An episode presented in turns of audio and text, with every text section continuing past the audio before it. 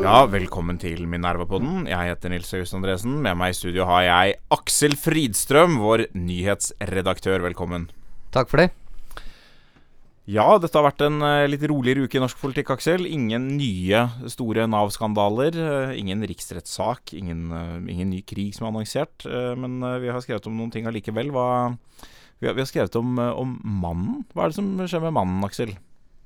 Eh, det er vel de som mener at mannsrollen er i, i krise, og det er jo det temaet vi, vi tar opp. Og uh, egentlig litt sånn utviklingen av, av, synet på mannen fra at man uh, har sett på seg selv som en slags biologisk overlegen det sterke kjønn, altså det er menn kan og vet alt best, til at det nå er en uh, blitt en mer enn etablert oppfatning om at menn er i ferd med å bli samfunnstapere.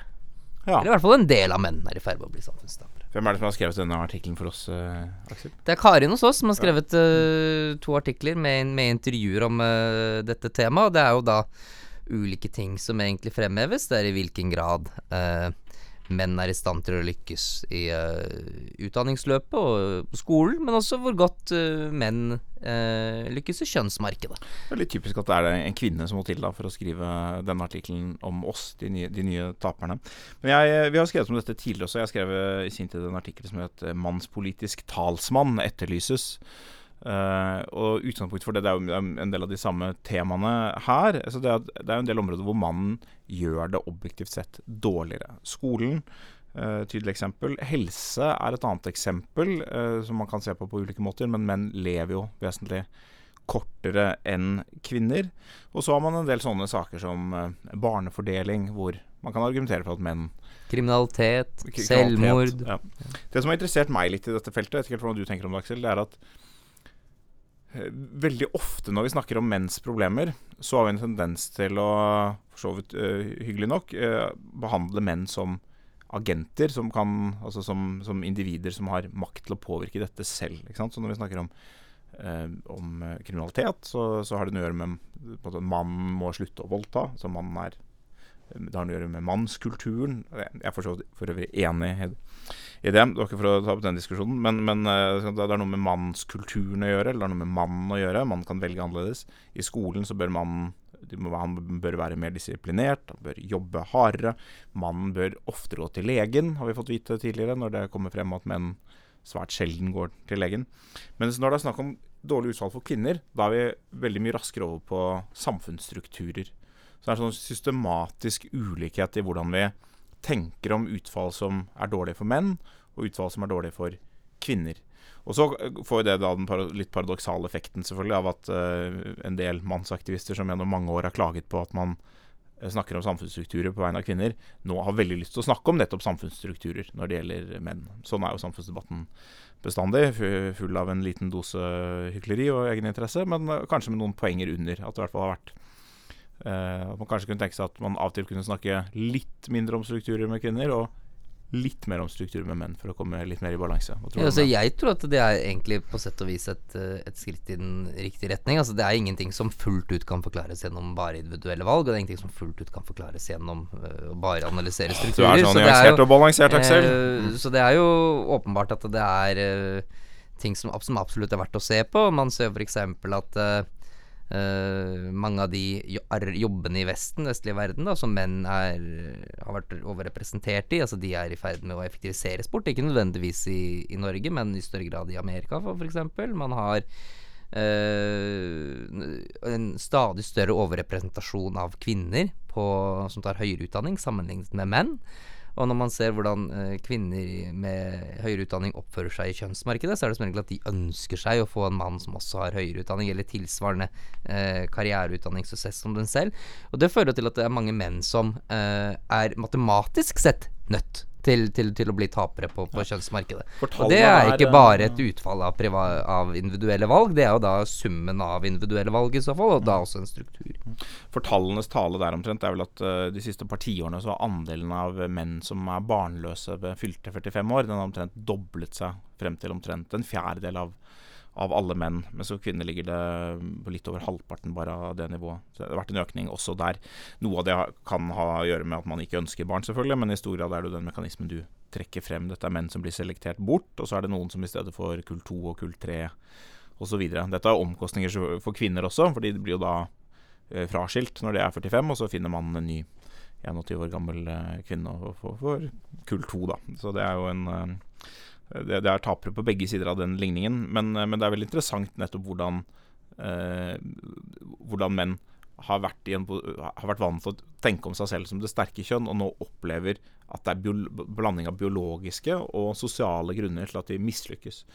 F.eks. på skolen så er det jo når det gjelder altså, menn får dårligere karakterer på skolen. og det er jo, Man vet ikke ordentlig hva som er grunnen til det. Det er i hvert fall litt uenighet om det. Men, men det interessant funn er jo at dette har vært ganske konstant. For man har jo hatt en teori om at dette skyldes feminisering av skolen eller, eller et eller annet sånt. Men det viser seg at dette er et veldig langvarig og stabilt trekk. Eh, og det er jo naturlig å tenke at det har noe å gjøre med at menn er, i hvert fall i den alderen, kanskje videre også, litt ikke fullt så flinke til å sitte stille, kanskje. Ikke fullt så flinke til å konsentrere seg om én arbeidsoppgave og gjøre den eh, Jeg har enda ikke lært det. Nei, Nei. Altså det, er, det, er, jo sånn både og. Menn kan av og til være mer monomane også. Men, men at man, har, man, mangler litt den evnen til selvregulering. Eh, og spesielt når man er yngre. Men det varer jo ganske lenge, så det er ikke så lett å løse det i løpet av skoletiden. Og det er jo på en måte en slags biologisk forklaring, formodentlig. Så menn i denne sammenhengen, målt opp mot det moderne samfunnets krav blir en form for det svake kjønn, og det er jo en det er jo ikke så lett når man har vært det sterke kjønnet borte i 200 000 år, og plutselig skulle liksom ta den rollen. Så det, det blir tøft for de som kommer etter, etter, oss, ja. Ja, men det er jo viktig å nevne at det finnes jo også menn som er hva kan du si, betydelige vinnere på, i den utviklingen. Altså de mennene som faktisk lykkes uh, med å gjennomføre høyere utdanning, få seg en god jobb og den type ting. De har jo da også muligheten til å Uh, velge og vrake ikke sant, blant andre kvinner med, med høyere. Så den uh, Supermannen, holdt jeg på å si, den, den vil jo på sett og vis uh, finnes. Og de som er holdt jeg på å si feminister som peker på at menn eksempel er overrepresenterte blant ledere i næringslivet, vil også kunne ha, ha en viss grad rett i det. Men, men dette er jo et mindretall av menn, og ikke nødvendigvis det at noen menn gjør det veldig bra, er ikke nødvendigvis en en veldig godt argument for, for å overse problemene til de som gjør det dårlig. Mm. Nei, og Det finnes jo en rekke måte, potensielt strukturelle ting. Jeg tenker det, I en viss forstand er det sunt både for menn og kvinner at uh, menn nå har noen områder der de har uh, strukturelle utfordringer, om du vil. F.eks. I, i skolen så er det jo da sånn at man kan jo tenke seg at det er et eller annet ved måten skolen er innrettet på, som er bedre for kvinner enn for menn. Og så f.eks. at undervisningen er basert på at man sitter stille og ikke, ikke, lar seg distrahere av at det kommer en sommerfugl utenfor vinduet som man har mer lyst til å finne ut av. Eh, og Så kan det hende at det ikke er så lett for skolen å endre måten man gjør ting på. Det kan jo hende at det er gode grunner til at man er nødt til å ha noe undervisning ved tavlen. Og jeg vet ikke om man bruker tavler fortsatt, men den, at man er nødt til å sitte noe stille da. Og, Tilsvarende er det jo på en måte litt rann, uh, Men kanskje er det noe man kan endre. Og Tilsvarende er det jo litt grann i arbeidslivet. At kvinner har lenge sagt altså Arbeidslivet er lagt opp til menn. Man burde legge det opp uh, på en annen måte som er mer kompatibelt med uh, kvinners både særegne livssituasjoner og av og til kanskje i gjennomsnitt avvikende personlighetstyper osv. Mindre risikosøkende, den type ting. Men av og til er det gode grunner til at toppstillingene i næringslivet er innrettet som de er. Det er ikke nødvendigvis bare for å passe menn. Det kan ha noe å gjøre med arbeidets natur og selskapets mål osv. Men igjen, det hender man kan endre noe. Så det kan liksom være noe å tenke på for begge sider. Så Det ble litt for nyansert der, Aksel. Vi får bare beklage det for lytterne.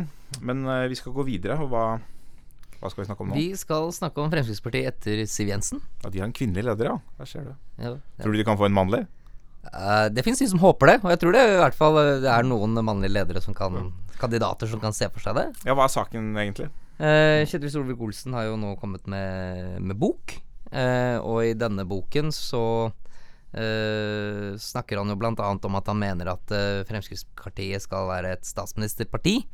Og med statsministerparti så kan man godt tenke at han også kanskje selv finner en rolle for seg selv inne i, uh, i, i den begrepsbruken. Uh, og jeg vil nok fort lese det som en, en påmelding da i lederkampen i Frp etter Siv Jensen. Men hva er det lederkampen i Frp egentlig handler om? Det er klart Alle vil jo bli statsminister. Alle vil ikke det, noen vil bli statsminister. Men er, det, er, er dette et retningsvalg for Frp, og hva, Hva er det Kjetil Solvik-Olsen står for i så måte? Det er eh, bl.a. et retningsvalg. Det gjelder i hvert fall at eh, når uh, Siv Jensen går av, selv om hun ikke har sagt at hun vil gå av, så er det naturlig å se for seg at hun om ikke så altfor lenge antagelig vil begynne å tenke på det. I hvert fall med mindre Altså hvis uh, den regjeringen som sitter nå, uh, gjenvelges, så vil det nok kanskje være naturlig for henne å hvert fall måtte peke ut en eller annen form for arbeidstaker. Og hvis den ikke gjenvelges, så uh, vil jo det være ganske demotiverende for henne å fortsette som partileder på Stortinget, tror jeg, etter å ha vært finansminister i, i, i åtte år. Uh, og da åpner det seg jo opp et uh, rom for hvem som skal være arvtaker, og de uh, Der er det jo ulike fløyer i partiet. Og Ketil Solvik-Olsen er nok blant de som representerer en mer moderat styringsfløy, som er ideologisk mer liberalistisk orientert. Men Frp har jo også en mer rendyrket opposisjonell og nasjonalkonservativ fløy, hvor det er ulike representanter, men hvor den kanskje mest den, den, den, i den fløyen som kanskje er mest aktuelle for som ny leder for Frp, Sylvi Listhaug, vil da eh, representerer en litt annen kurs for partiet fremover. Men de må vel kvotere inn en mann nå, når de har hatt kvinne i så mange år? Ja, de må ikke. De må ikke, nei, de må okay. ikke ja, synd, ja. Men, eh, men eh, altså disse to fløyene det er, det, er, eh, det er, jo ganske velkjent, selvfølgelig. Sylvi er uh, mest populær blant innvandringskritikerne, og Solvik-Olsen er mer populær blant de, dem som ikke er så opptatt av det spørsmålet. Uh, Siv Jensen har på en måte klart å bygge bro i noen grad over disse. Jeg tenker at hun kanskje av, av folk flest der ute vil forbindes hakket mer med styringsfløyen, men hun har liksom hatt den nødvendige harmdirrende tonen knyttet til innvandringsspørsmålet til at FrPs velgere De av FrPs velgere som er spesielt opptatt av det spørsmålet, har følt at de har vært representert. Og så er det et spørsmål Jeg tror Solvik-Olsen har sagt noe sånn som at tonen vil bli annerledes med meg enn med Sylvi Listhaug. Det betyr ikke at de nødvendigvis er veldig uenige om konkret politikk, men de har en veldig ulik retorisk stil. Han var også den personen som sa eh, her ser jeg, jeg ser ingen stor snikislamisering, eller noe sånt, da det ordet ble brukt første gangen. Og da er spørsmålet eh, vil FrBs velgere må de leve med Kan de leve godt med en partileder som ikke er eh, ikke speiler det sinnet mange av dem føler? Kan det, kan det sinnet erstattes av eller sublimeres til politisk handling? Da har Solvik-Olsen en sjanse. Men hvis det, de, hvis det de på en måte trenger, er noen som kanaliserer selve sinnet, da har han ingen sjanse. Han er rett og slett ikke sint nok. Eller hva tror altså, du? Jeg vil jo si at det å være partileder i Frp, da, det tror jeg er en av de, de vanskeligste jobbene i, i, i, dette landet. Fordi at uh, man er jo i en situasjon hvor man skal hele tiden lage kompromisser med partier som ofte mener det diametralt motsatte av hva ens e-, eget grunnfjell gjør. Og en forutsetning for det er jo at du har troverdighet i din egen partigruppe på at du alltid er i stand til å nå frem de beste avtalene. Uh, og et problem som en Kjetil Solvik-Olsen kan, kan, møte, da, at hvis han liksom sier at 'jeg vil tone ned dette sånn snikislamiseringspratet', f.eks., så kan det jo være at det, uh, hans partigruppe, hvis han skal forhandle et eller annet, da, uh, ikke nødvendigvis tenker at han liksom har pushet hardt nok på det spørsmålet. Så det ville være et, et kan være et potensielt problem for ham, men samtidig så er jo han vil nok bli ansett av forhandlingsmotpartene som en mer pragmatisk politiker, og kanskje en politiker som man Det er enklere å føle man føler at det er enklere å gi innrømmelser til. Da, så vil, han vil kanskje kunne oppnå bedre resultater i forhandlinger, men han kanskje samtidig er vanskeligere for å kunne selge dem at dette var det beste man kunne få til sine, mm. til sine egne.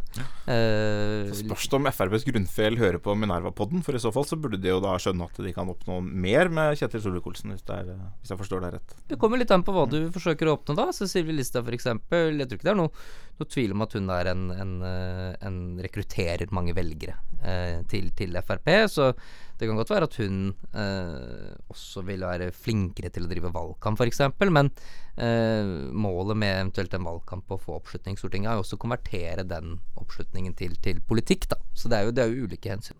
Men la oss eh, bredde feltet litt. Vi trenger ikke å snevre inn, uh, inn lederstiden til, til, to kandidater så tidlig. Så det er jo andre på, hvis vi holder oss til denne litt grove fløyinndelingen. Jeg tror ikke alle i Frp er like komfortable med, med de fløyene. Men siden du har Sylvi Listhaug er åpenbart der. Hun har også vært en sentral del av regjeringsprosjektet, selvsagt.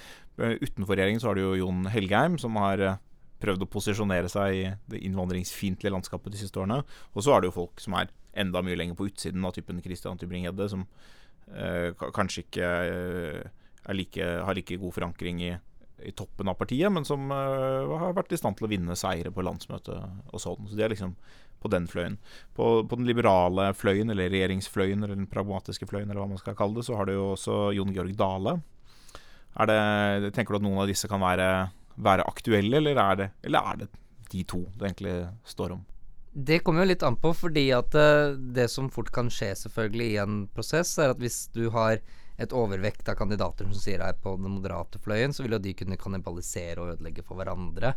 Uh, så veldig fort så vil jo et sånt felt snevres inn antagelig til to reelle Altså Hvis det i det hele tatt oppstår en situasjon der det er to kandidater, så vil det Eller en fløykamp, så vil de antagelig fløyene ha De burde jo ha primaries rundt alle fylkene, og så vi får litt sånn amerikansk debatt inn. Og så kannibaliserer, kannibaliserer hverandre, og så får vi en Elizabeth Warren kanskje på den ene siden. Og ja, KrF prøvde seg jo på et litt sånn amerikanskinspirert uh, primaries-konsept, men jeg tror ikke sånn internevalueringen i KrF vil peke på at de syns at det var liksom det, det, mest vellykkede de har gjort, da. Nei da, uh, kan du kanskje si. Men, uh, men du, vi, vi, skal gå litt videre. FrPs problemer, men det er andre partier som også har problemer denne uken. Eh, ikke kjempestort problem, kanskje, men et, et lite problem. Hva, hva, er det problemet?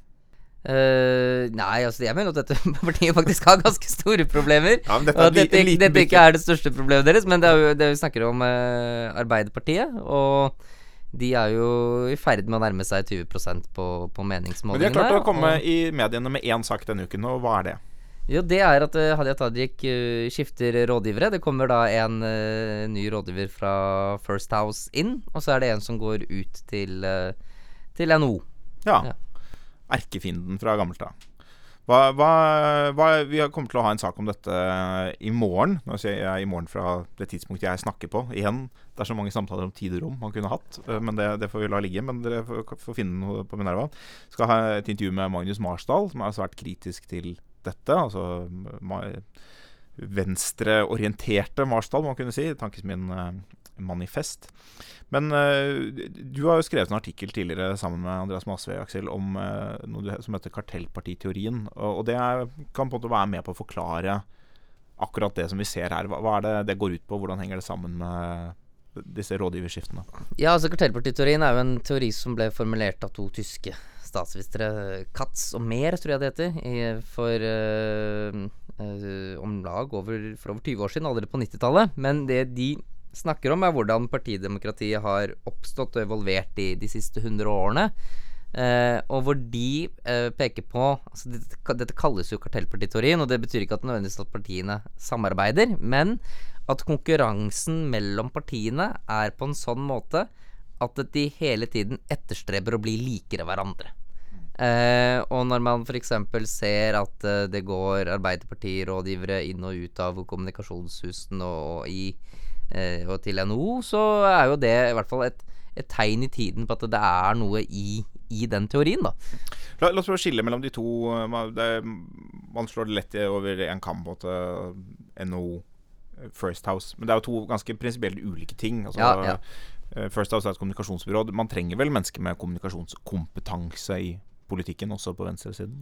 Jo, men det denne eh, kartellpartiteorien peker på, da, for å ta det kommunikasjonsbegrepet først, er at eh, partiene på sett og vis eh, får en Utviklingen av, av, politikk blir ofte veldig lik i partiene, og det er sammenfallende med den posisjonen som staten og byråkratiet til enhver tid har. Eh, og hvor, og hvor det, det partiene egentlig gjør, er at de rekrutterer folk som skal kommunisere politikk eh, i all hovedsak. Ja, så de konkurrerer på en måte mer på kommunikasjon enn egentlig langs høyre-venstre-aksen? Ja, enn på eh, Altså, i Ifølge Katsume så er jo det eh, partiet som Arbeiderpartiet oppsto som, er det man liksom kaller som Massepartiet. Og Massepartiet er et parti som eh, er bygget opp fordi man har en, en, veldig definert endringsagenda, og hvor staten egentlig er fienden. Så man ønsker liksom å ta over staten og endre staten.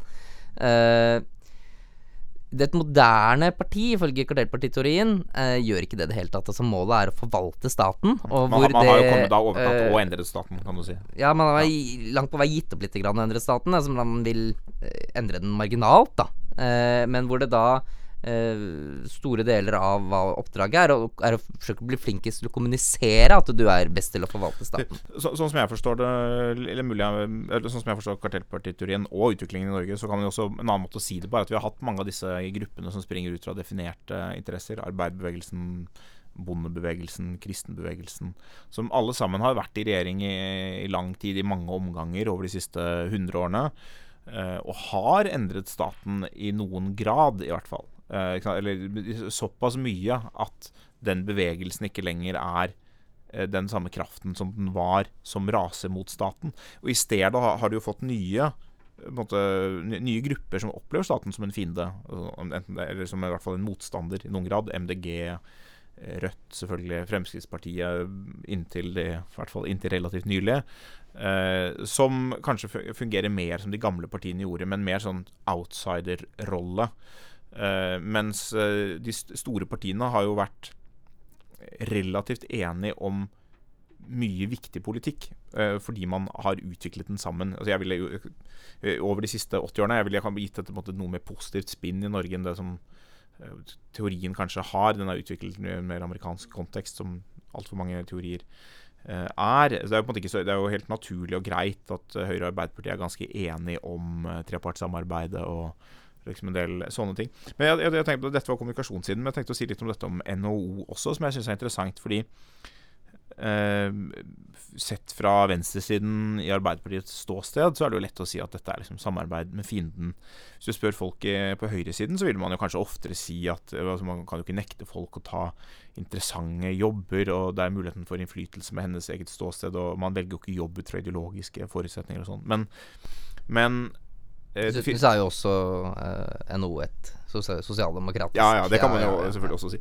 Men, men uh, det finnes vel ikke så fryktelig mange eksempler på det motsatte. Altså, vi, vi, ser dette som et, vi snakker om kartellpartiteorien. Det er et problem for arbeider, Det er på en måte et særegent problem for Arbeiderpartiet. Det er klart at Bortfallet av høyre-venstre-aksen er en utfordring også for Høyre. Eller ikke bortfallet, men også svekkelsen av høyre-venstre-aksen er en utfordring også for Høyre. Men, men dette her altså Høyre blir ikke så rammet av at man får noen folk fra kommunikasjons byråene, fordi Høyres velgere tenker ikke at det er liksom noe, en umoralsk katastrofe. Men Høyre har jo heller ikke opplevd at rådgivere går til LO. Jeg kan ikke Nei. huske den type tilfeller, i hvert fall. Nei, det kan jeg faktisk, aldri, det kan jeg faktisk aldri huske. Nei. Nei. Så, så, for Høyre er det liksom Det er vel en blanding, uh, blanding av at uh, NHO kanskje betaler litt bedre, jeg vet ikke. Det er kanskje større attraksjonsverdi for rådgiverne. Men, men også på en måte at det er akkurat på dette feltet og i dette segmentet av politiske uh, rådgivere og politiske aktører, så, så er denne samlingen i sentrum Den er litt grann til høyre for sentrum, på en måte. Uh, den er akkurat Den er i hvert fall eh, langt nok til høyre til å gjøre mange i fagbevegelsen og det gamle grunnfjellet til Arbeiderpartiet og ganske forbannet, da. Ja, ja, det er nettopp det. Men det er nettopp, nettopp av samme grunn så ville det ikke vært naturlig for veldig mange høyrerådgivere å gå inn i eh, LO og i fagbevegelsen, som nettopp er forbannet fortsatt på, på Høyre på mange måter. Ja, det tror jeg er en riktig observasjon. Mm. Det kommer da Vi har en sak om kartellpartiteorien som, uh, som, man kan lese for å få mer innsikt om, uh, om det. Vi har en sak om svekkelsen av høyre-venstre-aksen som man kan lese for å få mer innsikt om det. Og vi får prøve å legge ut noen lenker til dette etter hvert. Og i morgen kommer det da et intervju med Magnus Marsdal som, uh, som raser, det er det som er medieordet, tror jeg, raser mot Hadia Tajiks valg av rådgivere. Um, vi skal videre til en uh, sånn bonussak som vi ofte unner oss. Er, vi har ikke skrevet noen sak om det selv, så nå, nå bare koser vi oss med både ukens nyheter. Du har funnet en sak som du syns var litt uh, artig, Aksel. Hva var det? Ja, det er uh, vel Jeg tror det er Arild Hermstad i, MDG, vel, som kommenterer på på Nav-skandalen med at han mener at det ikke det bare skal være fritt frem å ta med seg trygd rundt omkring til Europa, men at man også gjerne må ta med seg trygden sin til, til Pakistan. Ja, men det høres ut som et menneskevennlig og trivelig standpunkt. Hva er det du reagerer på her? Nei, jeg syns jo det, det er jo i hvert fall festlig at et parti som eh, er det partiet i Norge som er flinkest til å promotere denne flyskammen, da i hvert fall ikke ser denne eh, barrieren mot å ta seg til Pakistan, så frem til liksom er en del av en, en trygdeeksport, da. Mot eksport, men uh, for trygdeeksport. Uh, men det er jo det er en interessant uh, sak hvordan vi tenker om, om partiene som en sånn etisk kommunikasjon. Uh, synes jeg, ikke sant, at det er for MDG så er det, det er åpenbart et par sånne pilarer som man forbinder med gode etiske og menneskevennlige ting. Og én ting er å leve i pakt med naturen og ikke fly unødvendig, og kanskje helst ikke i det hele tatt. Og alltid sette det først. Og så på den annen side har man eh, selvfølgelig solidaritet med, med, med, mennesker som trenger samfunnets støtte generelt. Og da selvfølgelig med, med, innvandrere spesielt, som jo også disse Hvis vi går tilbake til sånn politisk teori, denne Galtan-aksen, altså disse, disse, grønne, alternative og liberale partiene, det er på en måte akkurat De tre beina de, de skal stå på. ikke sant? Det er på den ene side flyskam, på den annen side eh, omsorg for de fattige, og på den tredje side omsorg for eh, det etniske mangfoldet, om du vil, eller mangfold og, og, innvandring og migrasjon og globale verdier osv. Men her eh, blir det en liten krasj mellom øh, mellom klimasiden der og de to andre sidene der. Og da har han valgt å faktisk sette klimaet nederst i akkurat denne sammenhengen. Jeg tror nok at MDG er et parti som føyer seg er, er, ganske høyt opp i rangeringen blant de partiene som er veldig opptatt av å være blant de snille. Mm. Eh, og her er det jo da et, et, muligheten for å være snill og si til folk at ja, du må gjerne ta med deg trygden din og, og reise hvor du vil, men da er det ikke nødvendigvis alltid slik at det, alt som er snilt, er ikke nødvendigvis helt logisk konsistent, da. Ikke sant? Og det er jo ofte der man møter seg selv litt i, i døren. I flydøra. Men uh, er det noen grunner til at man ikke skulle kunne ta med Hva er det han sier for noe? Man tar jo med seg feriepenger og reiser nettopp på ferie, selv om MDG selvfølgelig normalt anbefaler uh, feriering i Norge. Så kan man jo reise også til utlandet med feriepenger. Men disse arbeidsavklaringspengene, du mener at de er annerledes, altså? Ja, men det er mulig for mennesker som går på trygd i Norge også å ha ferie. Det er bare at man kan ikke være mye mer i utlandet enn det den, den ferien uh, tillater. Og det har du veldig gode grunner til. Fordi at hvis du med norske trygder kunne dratt til et hvilket som helst land en hvilket som helst prisnivå, uh, så ville man jo levd som en konge på, på norsk trygd. Og det er, ikke, det, det, er, det er ikke det vårt trygdesystem er, er utformet. Det er jo utformet for at du skal handle varer og tjenester til et norsk prisnivå, og med en, med en nøktern uh, livsstil. Bekymringen der er vel at uh, altså man, man, må kvalifisere for trygd. Uh, så Sånn sett så kan man ikke bare reise til utlandet med mindre man faktisk oppfyller vilkårene. Men bekymringen er vel at hvis det er veldig veldig mye gunstigere å flytte til utlandet, så skaper man et insentiv for å omgå reglene, eller for å jukse litt, eller for å ikke anstrenge seg så mye som man kunne gjort, for å havne i en situasjon der man ikke lenger trenger trygd. Det er vel noe sånt som er bekymringen omtrent. er det ja, det vil jeg si. Men uh, vi må legge til at det er mulig å sykle til Pakistan også. Jeg leste en artikkel om en mann som hadde syklet til Kasakhstan en gang, i hvert fall.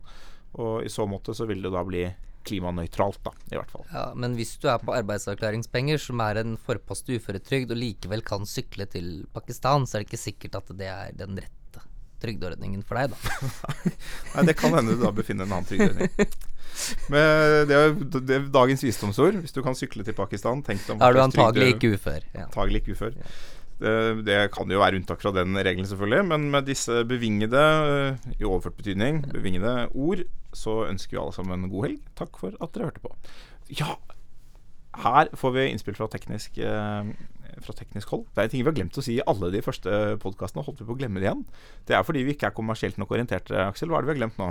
Eh, vi har glemt å nevne at vi har en vervekampanje. Og det er jo da til de som har en venn. De har da muligheten til å, til å verve en venn. Ja. Og hvis du verver en venn, så får du eh, Hva er det du får da? Da får du én måned gratis abonnement. Ja. Eh, men hvis du verver fem venner, får du et års gratis abonnement. Og så kan vi jo nevne, Det er jo sikkert noen som uh, før de skal tenke på å verve en venn, så kunne de kanskje tenke på å verve seg selv. Det heter uh, også tegneabonnement. Vi, Minerva trenger jo at mennesker slett uh, er abonnenter, gjør ikke det? Det gjør vi. Det gjør, det gjør vi. absolutt. Så la oss oppfordre våre lyttere til å tegne abonnement. Det koster 699 for et år uh, uten papir. 1050 med papir. Eller 89 kroner måneden. Og dersom du ikke har venner, så er det en av de første og mest vellykkede skrittene du kan ha for å få venner, er å bli leser på Minerva. For det, da vil du få utrolig mange nyttige artikler og tilgang på nyttig informasjon som du da kan bruke til å skaffe deg venner gjennom dialog og samtale. Og Minerva via internett kan tas med på ferie rundt omkring i Norge, selvfølgelig, men også til Pakistan. Også til Pakistan, ja. Takk for oss. Takk for oss. Mm.